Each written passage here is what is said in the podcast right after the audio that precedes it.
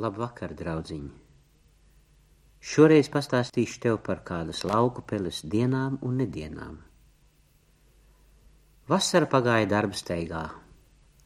Pele bija savākusi zem miežu gubas graudu pilnu noliktavu, un tāpēc ziemu varēja gaidīt bez rūpēm.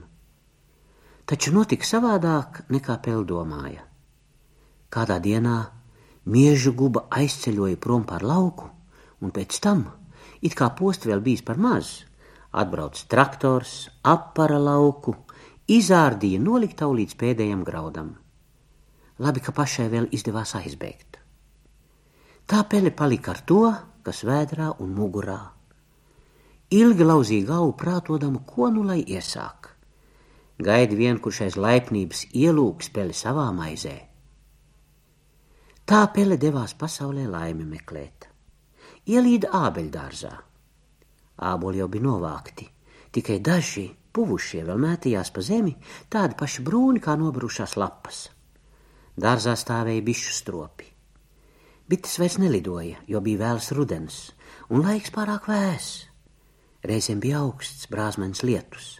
Brr, pēle drebinājās, bet stropā droši vien silti, un kur vēl mēdus? Pēle tekalēja no viena stropa pie otra, no viena pie otra, kā tikt iekšā.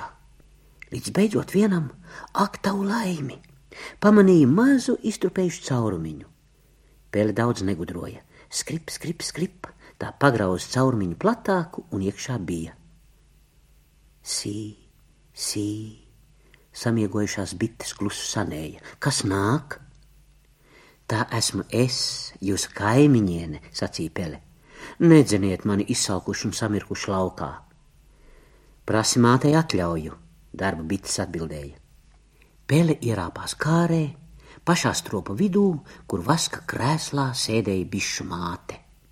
Viņai apkārt klusi sanēja visa saime. Pelēja viegli reiba galva no viņa dziedošās dūkšanas. Labvakar, bišu māmiņa, peli mīlīgā balstiņā sacīja. Ko teiks pelīt? vaicāja bišu māte. Notika nelaime, pažēlojiet šoreiz. Dārzā mani noķēra kaķene un atdeva saviem bērniem, lai ēd. Par laimi kaķēni pirms vakariņām sāk ar mani rotaļāties, bet tā kā mazajiem kaķēniem nav tik asi nagi kā lielajiem, tad man palaimējās izglābties. Iebēgu ek jūsu stropā. Tagad visi 12 kaķi tup lejā pie skrejas un gaida, kad es līdīšu ārā, pele meloja. Vai tad tik daudz to kaķu bija? Neticīgi jautāja bišu māte. Ja ne visi 12, tad 9 vismaz. Atļaujiet bitītes paslēpties jūsu stropā, kamēr tā kaķu vārza aiziet prom. Bišu mātei kļuva peli žēl. Tik ilgi var palikt, viņa teica, bet pēc tam ej savu ceļu. Jā, jā, Pele atsaucās, paldies par viesmīlību. Pele uzrāpās līdz malējai kārei, kur patreiz nebija nevienas bites, un pieēdās medu pilnu punci tad uzrāpās jumtā, pārgrauza sienu maisiņu, kas bija uzlikts stropam, lai bitēm būtu siltāk, un ielīdusi tajā kā spilvenā, likās uz auss. Bišu žužošana un medus smarža iejāja peli tik saldos sapņos, ka viņai nemosties negribējās. Neviens peli netraucēja. Reizēm pa jumtu klusi grabanājās lietus lāses, tad sāk snikt sniegs, bet to vairs spēle nedzirdēja, jo mīkstās pārslas krita zemē tik klusi, ka viņa nolaišanos nedzirdētu pat ausīgais sikspārnis, ja viņš vēl būtu nomodā.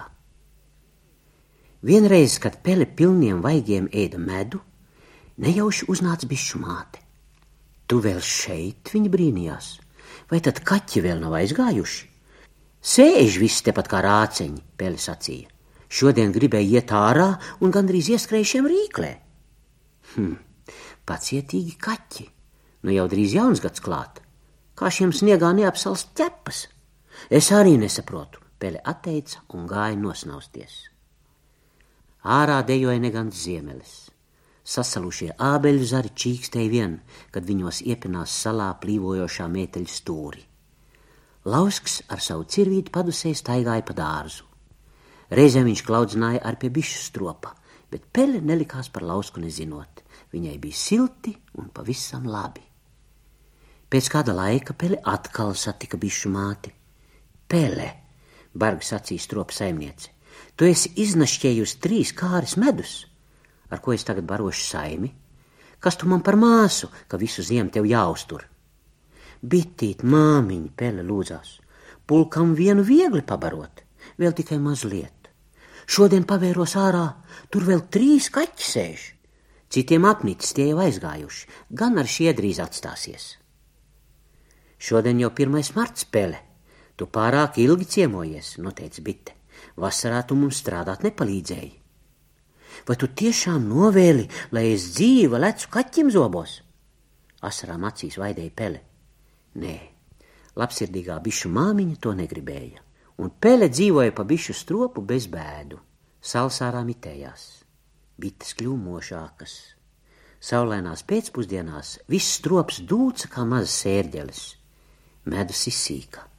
Pele pukodamās grauza vasku ar bišu maizītēm. Necik ilgi pele atkal saskrējās ar bišu māmiņu. Vēl nu pat viens runčs tupēja, pele nobijusies taisnojās. Tu melo, pele, dusmīgi iesaucās bišu māte. Šodien manas bites jau izlido, un neviens kaķis pat tūmā nav manāms. Bites, bites, mana drosmīgā sardze, sauc bišu māte, sadodiet negausīgajai viltniecei kā pienākas. Bišu stropā ieskanējās draudīga cīņas dziesma bet Pele to vairs neklausījās. Nē, nu vairs nebija ko gaidīt. Viņa pa galvu, pa kaklu metās prom pa pazīstamo ceļu, garām apgraustajām sapostītajām kārēm, kur vairs nebija ne piliena medus. Cauri jumtam un sienas pakojumam, un lūk, tur jau par rudenī izgrausto caurumiņu pavidēja pavasarīgi pelēcīgais sniegs. Viens lēciens, un visas briesmas bija aiz muguras. Tā aizgāja peli no bišu stropa, par uzturu un ziemas mitekli ne paldies nepateikusi. Bet nu mans mazais mums laiks gulēt ar labu nakti.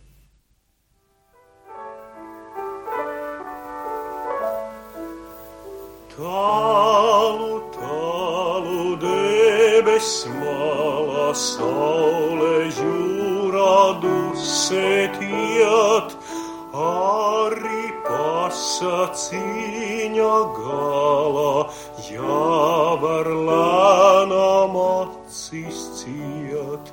Labu nakti, labu nakti, lai vēl sapnī dziesmas skan. Labu nakti, labu nakti, aiju, aiju,